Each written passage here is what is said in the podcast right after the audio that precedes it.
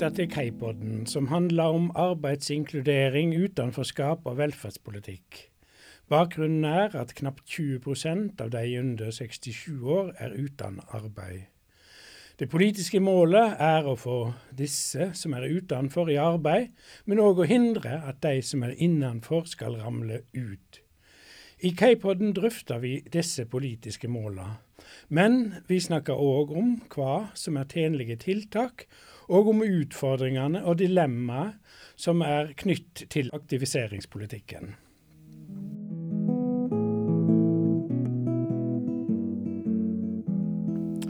I dag skal vi snakke om de unge som kommer i kontakt med Nav. I utgangspunktet er det vel 100 000 under 30 år som ikke er i utdanning, arbeid eller på arbeidsretta tiltak.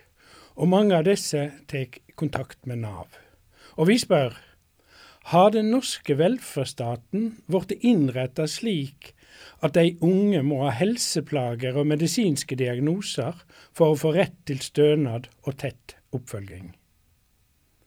Ei som i mange år har studert hopehavet mellom ungdom og den norske velferdsstaten, er Anne Hege Strand, forsker ved forskningsinstituttet Fafo. Velkommen. Takk skal du ha. Sammen med Jørgen Svalund har du nylig publisert rapporten 'Velferdsordninger til unge bruk av arbeidsavklaringspenger, kvalifiseringsprogram blant unge utenfor arbeid og utdanning. Og aller først, eh, Anne Hege, et kort svar på et stort og normativt spørsmål. I hva grad er det de riktige sidene ved situasjonen til de unge som har vært sentrale i møte med Nav? Ja, som du sa, litt vanskelig å svare kort på det, men hvis jeg skal driste meg til å være litt tydelig, så ville jeg jo svare nei. Det er ikke sånn. Det er eh, litt for mye fokus på unges eh, dårlige helse framfor de ressursene unge har. Det er altså mer enn 100 000 under 30 år som ikke er i arbeid eller utdanning. Hvordan mener du vi skal forstå dette fenomenet? Altså, Vi må jo forstå det som et samfunnsproblem, noe vi ønsker å løse.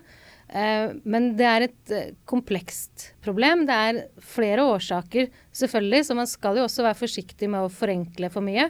For det er flere grunner til at det har blitt sånn.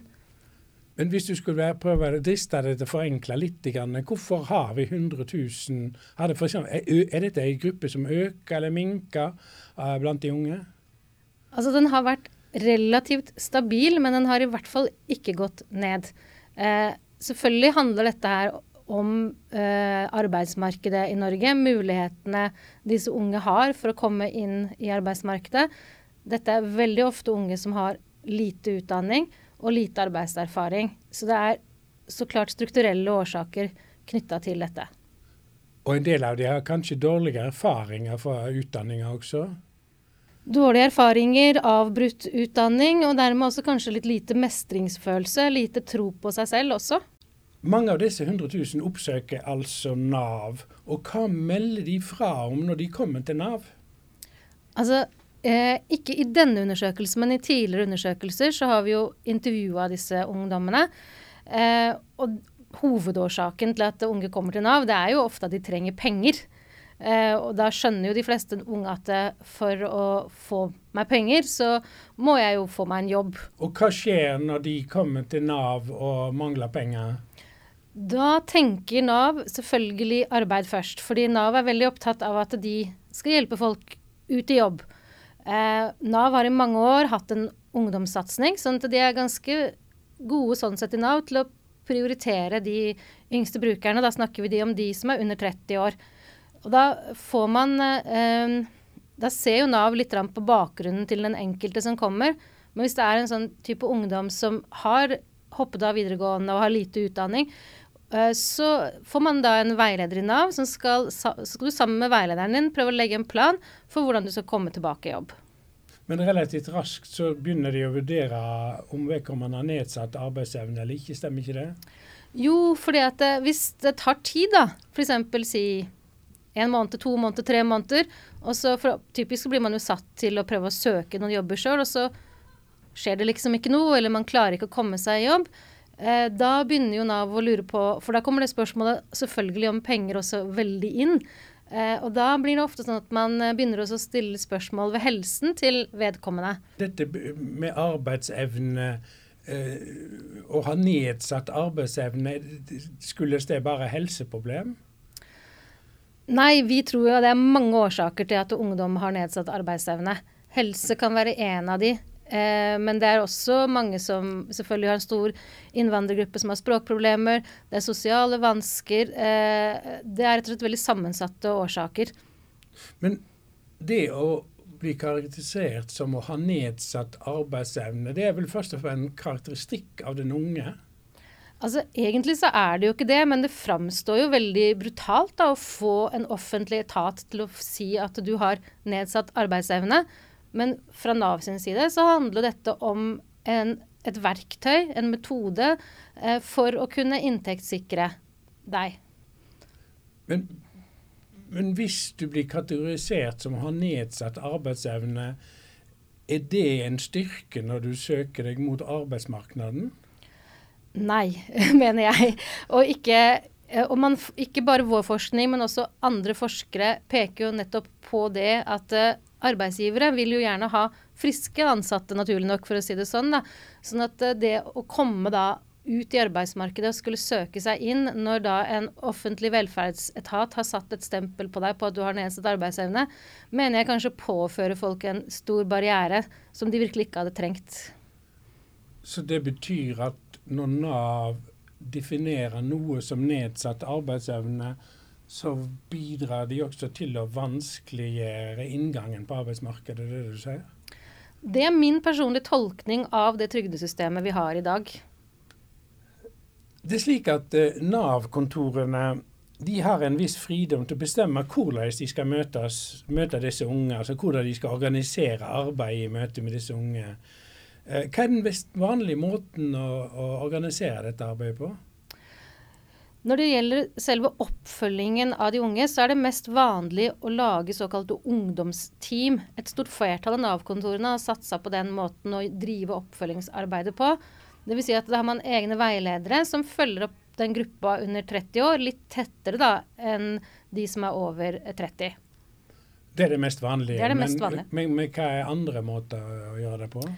Andre måter er liksom å bare si at en ledig person er en ledig person, og så kanskje man deler de bare inn Noen lager sånne rotar hvor de deler inn eh, du får alle brukere som er arbeidsledige fra bokstav A til K osv. Så sånn at man eh, bare gir tilfeldig ut da, eh, en person til en veileder. Har man noen erfaring for hva som er mest uh, tjenlig, altså mest effektivt? Jeg tror ikke det finnes noen effektanalyser på dette her. Men hvis du spør de ansatte selv i Nav, så er det veldig mange av de Nav-ansatte som liker å jobbe i disse ungdomsteamene, uten at man kan si at det er mer effektivt eh, enn noe annet. De føler at da kan man mer spesialisere seg på en ungdomsgruppe, kanskje være tettere på en sånn ungdomskultur. Unge er veldig uerfarne. De trenger kanskje en litt annen måte å tenke arbeidsoppfølging på enn de som har levd litt lenger. da. Har de unge noen meninger om dette? Hva melder de tilbake Skal de foretrekke? Veldig vanskelig for en ungdom å svare, for de får jo bare den oppfølgingen de får. så De har, de har sjelden noe å sammenligne med. Det viktigste for de unge det er jo å få en veileder de føler de kan eh, stole på, som de har en slags kjemi med. Og noen av de unge er jo veldig opptatt av å kunne ha muligheten til å bytte veileder hvis du ikke liker veilederen din, f.eks. Det fant vi i en ungdomsevaluering vi gjorde for noen år siden. Uh, så de er mer opptatt av det personlige, kanskje, den personlige relasjonen. Du sa at uh, veldig mange av de som henvender seg til Nav, uh, disse unge, de er ute etter penger eller økonomisk stønad. Men det er den ene hjelpeforma som da Nav har. og da driver oppfølging av på ulike måter, det er en, en annen form, hjelpeform som vi vi finner. La oss nå starte litt med, med den økonomiske sida. Hva slags type stønader er det som er aktuelle for disse unge? Altså, veldig mange av de unge som kommer, de har ikke eh, noen arbeidserfaring. Og da har de heller ikke krav på f.eks. dagpenger eller sykepenger, for de har ikke opptjent seg rettigheter til det. Eh, så da er det først og fremst sosialhjelp. Mm. Men sosialhjelp er jo ment å være en kortvarig ytelse. Så hvis man da dette haler ut i tid, så er det jo mer aktuelt å se på andre ytelser. Og det er da først og fremst arbeidsavklaringspenger.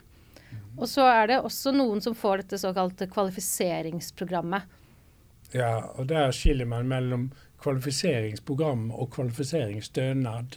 Hva er, hva er skillet mellom de to tingene? Eh, egentlig ingenting. Hvis du deltar i kvalifiseringsprogrammet, så får du kvalifiseringsstønad. Det er trygden eller pengene du får når du deltar i kvalifiseringsprogrammet. Ja, og hvis vi nå skulle glippe litt, så er stammespråket for arbeidsavklaringspenger det er AAP. Og stammespråket for kvalifiseringsprogrammet er KVP. Ja. ja.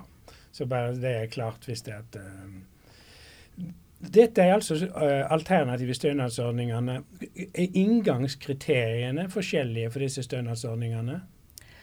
Det viktigste inngangskriteriet for AAP, arbeidsavklaringspengene, og KVP, det er nedsatt arbeidsevne. Eh, for å få eh, en av disse ytelsene, så må du ha nedsatt arbeidsevne. Før du eh, eh, får da disse ytelsene, så gjør Nav en arbeidsevnevurdering. Hvor de da går igjennom og så sjekker om du kan kvalifisere. Eh, det er to typer av nedsatt arbeidsevne knytta til disse ytelsene. Den ene som er den mest vanlige, da, det er den AAP-ordningen. Og da må du ha nedsatt arbeidsevne pga. sykdom, skade eller lyte. Så der ligger et helsekrav i bunnen. Mens den andre, altså KVP, der kan du ha nedsatt arbeidsevne av andre årsaker. Nav definerer det ikke. Men det vil være mer sånn eh, sosiale problemer, språkvansker, den type ting. Akkurat. Og slik jeg skjønner det, så er det mest vanlig at de unge mottar arbeidsavklaringspenger. Det er mer vanlig enn å motta eller være deltaker på kvalifiseringsprogrammet. Ja, det er langt, langt mer vanlig. Jeg tror nesten, Hvis du tar disse to gruppene samla sett, så er vel nesten ni av ti på A og P. Akkurat. Hvorfor det? Der blir det ting litt mer komplekst. fordi det, her er det sånn at det, det er ja, Nav har stor autonomi til å utforme kontorene sine og oppfølgingsarbeidet, men det Nav ikke bestemmer, det er over trygdeloven. Og det som er viktig å være klar over, det er at arbeidsavklaringspenger det er en statlig ytelse, og den er hjemla, som det heter, da, i folketrygdloven. Mens KVP den er kommunal, og den ligger da i den kommunale tjenestene, i det kommunale lovverket. Og så er det sånn at folketrygdloven den går alltid foran de kommunale ytelsene. Så dersom en person har rettigheter i forhold til folketrygden, så skal de utløses først. Og det er det som skjer i praksis. fordi det, hvis man ser på det sånn som jeg sa, så er det flest som havner på AAP, som er den statlige ytelsen, og færrest på KVP. Men kan man motta disse stønadene i ulik lengde? Antall år? Um, ja, de har en litt ulik utforming. Um, uh, eh, AAP-ordningen kan man ha i inntil tre år. Eh, KVP får man i inntil to år, men du får ett år om gangen. Akkurat. Sånn at hvis du får arbeidsavklaringspenger, så får du i utgangspunktet stønad for et lengre tidsrom. Du får vel i prinsippet ett år om gangen der også, men den kan forlenges i inntil tre år. Kan det være slik at Nav-medarbeiderne tenderer til å se på mottak av arbeidsavklaringspenger som er tjenlig, fordi det gir en mer stabil og langsiktig inntektssikring for de unge? Altså, vi har jo undersøkt dette her. Vi har gjort spørreundersøkelser, vi har intervjua folk. Og det er veldig vanskelig for de Nav-ansatte å bare rett ut innrømme eventuelt det. Men det de legger stor vekt på, det er at de unge som vi snakker om her, det er en målgruppe som er vanskelig å hjelpe ut i jobb, men ikke umulig. Men det tar tid. Så at det ligger i bunnen her at man tenker eh, at eh, AAP vil være en gunstigere ordning, det kan, kan godt tenkes. Eh, fordi den kjøper deg jo litt mer tid. det er slik at eh, det å få arbeidsavklaringspenger da, Som du var inne på, så måtte arbeidsevnen altså være nedsatt med minst 50% og det som også er veldig viktig, det er at grunnen til, eller årsaker til at den er nedsatt, det må skyldes sykdom, skade eller lyte, som det står i lova. Uh, nå er det slik at det, det er vel omtrent knapt 70% av de som unge som er på, på, på AP, som har ulike psykiske plager som sin diagnose. Uh, fører dette til at oppfølginga av disse unge mer vært retta mot behandling i helsetjenester enn mot arbeidsretting? Absolutt. Og det fant vi jo helt tydelig i den undersøkelsen. At for de unge som kommer inn på AAP, så er det helseoppfølging som dominerer. Og man gjør de, Altså det som også er, da, det er at veldig mange av de som kommer til Nav, de har ikke nødvendigvis en diagnose før de kommer til Nav. Sånn at det, når det da ikke lykkes å få folk over i jobb, eller disse unge menneskene over i jobb relativt raskt, så begynner på en måte den jakten da, i Nav etter en diagnose. Og når de begynner å lete da, så er den diagnosen de finner, da, i flertallet av tilfellene, en psykisk diagnose. Og da snakker vi ikke om alvorlige, alvorlige psykiske diagnoser, men vi snakker om lettere psykiske helseplager som depresjon og angst. Og dette er tilstander man vet at unge kan bli friske av. Eh, og det er noe med hva man egentlig driver med her, da, og hva slags type av problemer man egentlig setter på, på unge. For dette her blir det viktig da, for Nav å fokusere på den diagnosen, for det gir jo adgang til trygd. Mm. Og dermed så har de også kjøpt seg tid til oppfølging. Men det man i praksis gjør, det er jo at man sender folk da inn i en sånn spiral med utredninger, diagnostisering, og så videre behandling. Og alt dette her kommer før man i det hele tatt starter på den derre arbeidsoppfølgingen, kan du si. Men det Betyr det også at man overfører disse unge i prinsippet til helsetjenester? Ja, ja, absolutt. Altså det, det er jo sånn at man eh, altså når man skal gå Når man går på Det er viktig, for vi snakket om det, det i stad. når Du sier at vi har to typer oppfølging. Vi har trygdesporet, og så har vi oppfølgingssporet. Men man setter på en måte arbeidsoppfølgingen på en pauseknapp. Og så sier man ja, men du er syk, du skal ha behandling. Og da er det jo å sende de over til f.eks. DPS, altså distriktspsykiatriske sykehus, eller andre psykologer osv. Da er det voldsom ventetid. Så selv om man har krav om Du må på en måte ha et sånt aktivitetskrav, så du skal på en måte gjøre noe når du mottar arbeidsavklaringspenger. Men det de gjør da, det er å være i behandling. Hører det rett at uh, det betyr at i denne ventetida så er det ikke noe oppfølging fra Nav overfor disse? Lite, da. Veldig lite. Uh, og for noen ingen. Så da kan det jo gå ett eller ett og et halvt år, eller kanskje to år i enkelte tilfeller, på denne helsebiten, da. Kunne tenke seg at det var mulig å kombinere denne mer arbeidsretta oppfølgingen og den mer medisinske, at det, det kunne mer gått hånd i hånd? Altså Må det nødvendigvis være slik at det ene må komme først og det andre etterpå? Ja, altså jeg mener at man bare kunne liksom droppet den, den medisinske biten ganske langt ned på prioriteringslisten og bare fokusert for eh, i mye mye større grad på denne arbeidsoppfølgingen. Mm. Eh, og dette her er litt vanskelig å snakke om fordi sant, det er en stor og sammensatt gruppe. For noen unge jeg kan ikke sette et tall på det, men det var altså så gjennomgående funn, den undersøkelsen de fant. For noen unge så er de veldig syke, og de skal på en måte behandles som pasienter, for å bruke det begrepet. Men for en stor andel av disse unge så er det liksom ikke sykdom, men det er mye mer sånn sammensatt problematikk. Som, men det som skjer i realiteten, er at man liksom fokuserer bare på det ene problemet mm. disse ungdommene har. Men de har jo også mangler jo også skolegang, de mangler arbeidserfaring, de mangler selvtillit. De mangler mestringsfølelse i livet sitt. Mens det blir på en måte bare forsvinner litt, da. For det blir liksom bare det at du har angst som dominerer, da. Men hvis jeg hører det rett nå, så kan du si at uh, på den ene sida så er det slik at uh, utforming av stønadsordningene det bidrar til å strukturere arbeidet i Nav. Og det er i prinsippet politikerne sitt ansvar. Men er det hele forklaringa? For på grunn av det, Eller forklarer, forklarer det alt om måten Nav følger disse unge opp på?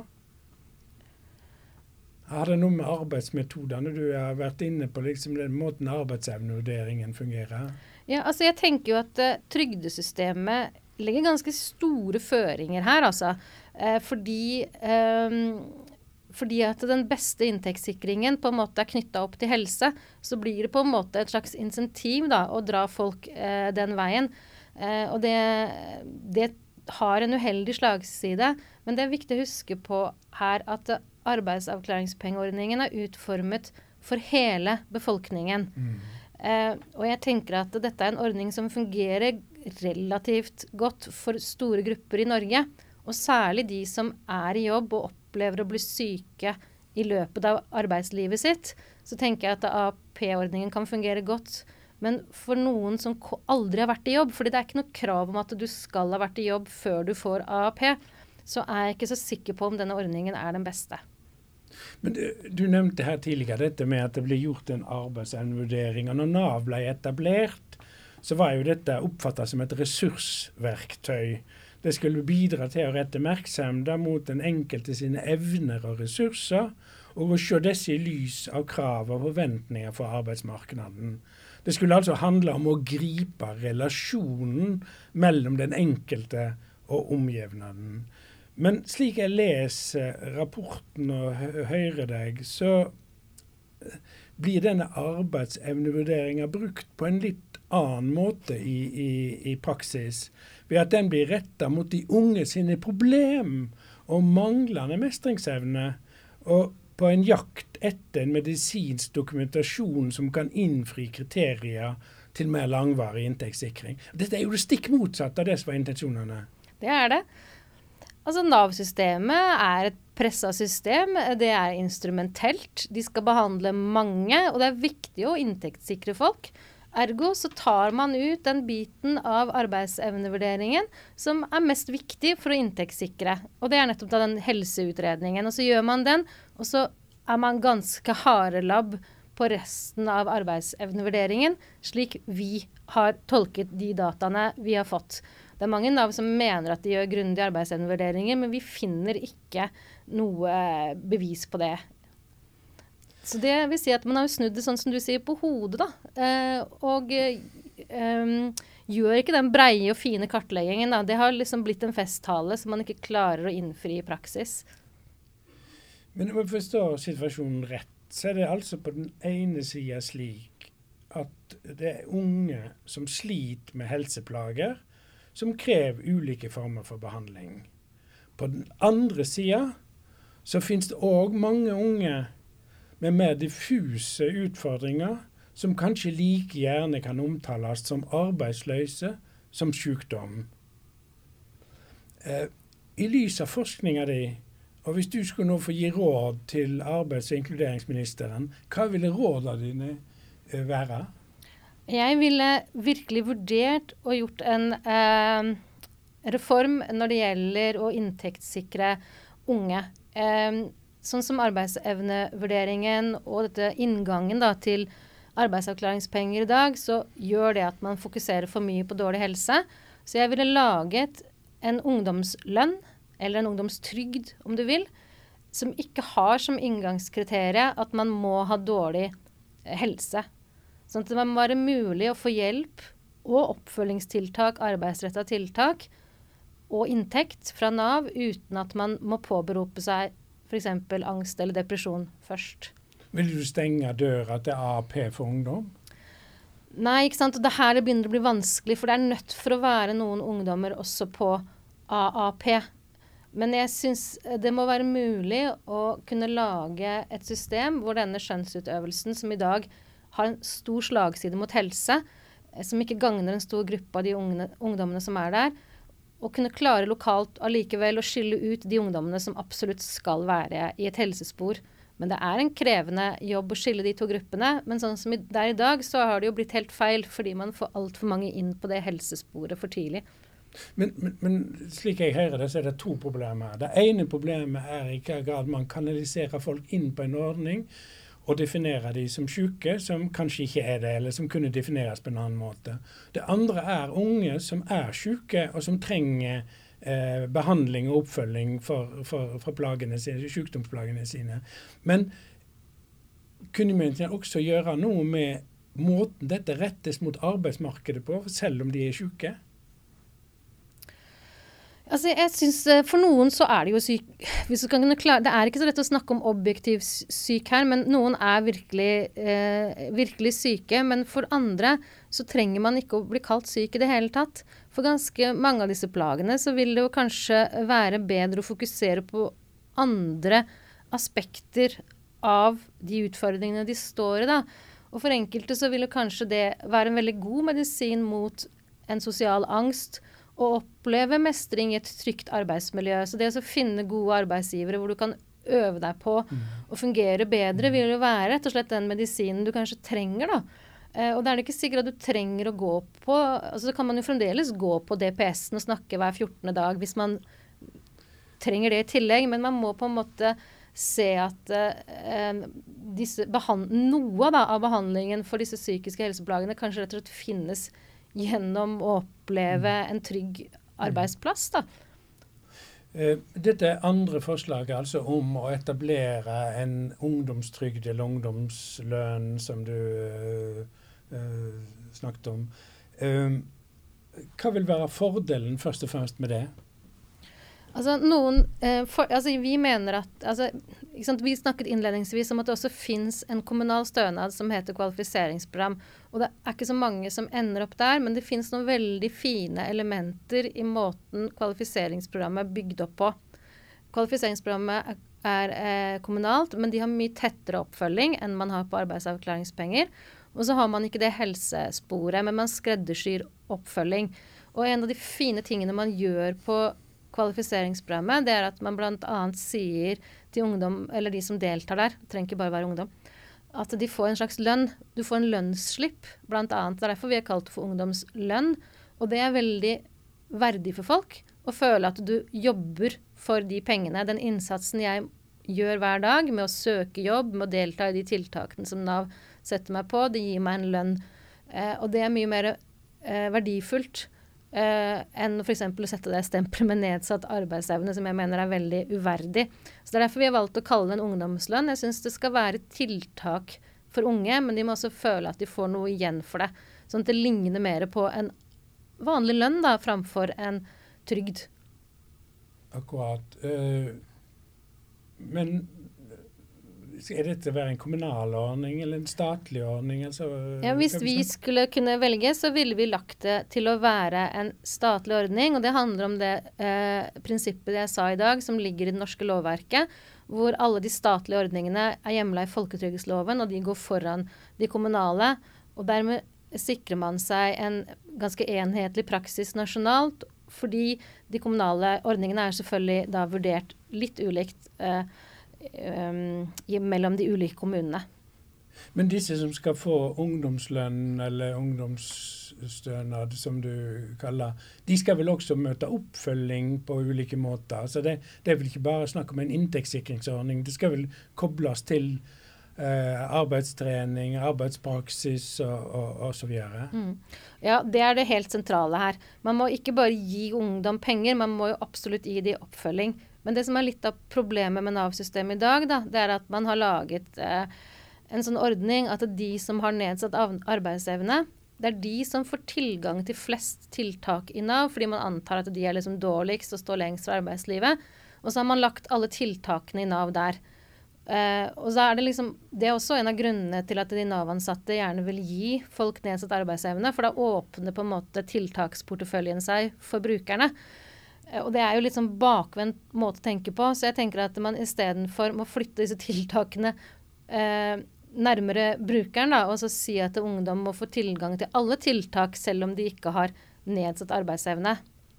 Et av de viktigste av disse tiltakene vil være utdanning. Og heldigvis har Nav åpna opp for å gi mye mer utdanning nå. Det er også blitt vanlig på dette kvalifiseringsprogrammet. Eh, og det er kjempeviktig tiltak. Men man må ikke legge det tiltaket liksom gjemt så langt unna at du må først ha nedsatt arbeidsevne for å få adgang til det. Særlig ikke for unge. Men ser du for deg at at disse, en del av disse unge som vi snakker om på denne ungdomslønna, de, det vil ikke bare handle om arbeidstrening og kvalifisering osv., men de vil, kan vel også ha mestringsutfordringer og sosiale utfordringer som må håndteres. Hva er det som tilsier at de skal få til å kombinere dette bedre her enn det man får til på AP?